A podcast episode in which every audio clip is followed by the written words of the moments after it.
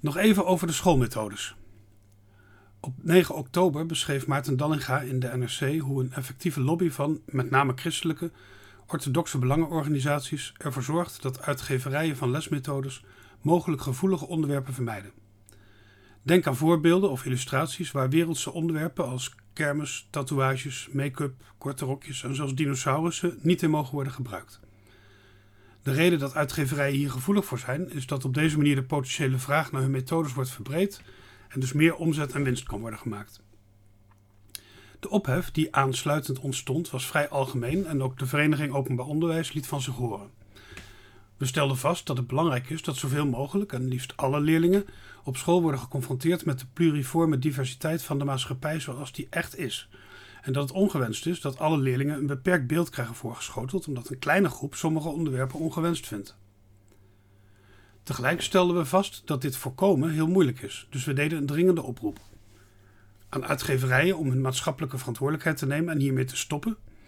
En aan scholen om het criterium in welke mate een methode een reëel beeld van onze diverse maatschappij laat zien, zwaar te laten wegen bij de selectie van nieuwe methodes.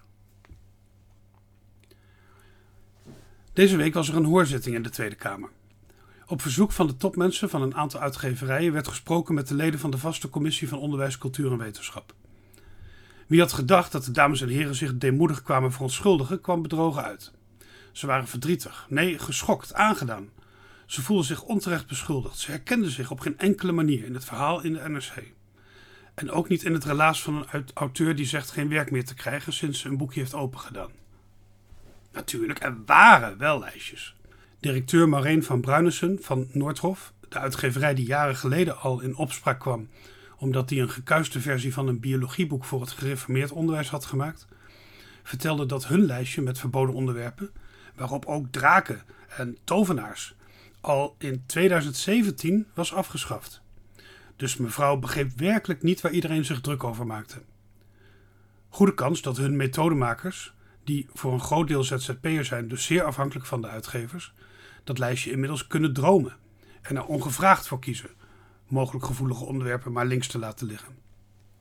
Haar collega Rimco Spanjer, managing director van de naar eigen zeggen grootste katholieke schoolboekenuitgever van Nederland, onderschreef het betoog van Bruinesse.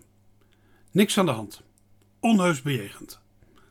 Wel gaf hij nog een interessant voorbeeld dat bij nadere beschouwing duidelijk maakt hoe subtiel de problematiek is. In een van zijn boeken was een illustratie op verzoek aangepast. Een waslijn met een BH die te drogen hing, was veranderd in een waslijn met een sok. Want ja, basisschoolkinderen die zouden wel eens kunnen gaan giechelen als ze een BH zagen. En dat was natuurlijk niet de bedoeling, want het ging om een lesboek over taal en dan leidt dat gegiechel maar af. Dit lijkt onschuldig, maar dat is het niet. Het is dezelfde wijn in andere zakken. Met hetzelfde argument zal deze uitgever kiezen voor een plaatje van een heterostel in plaats van een homostel.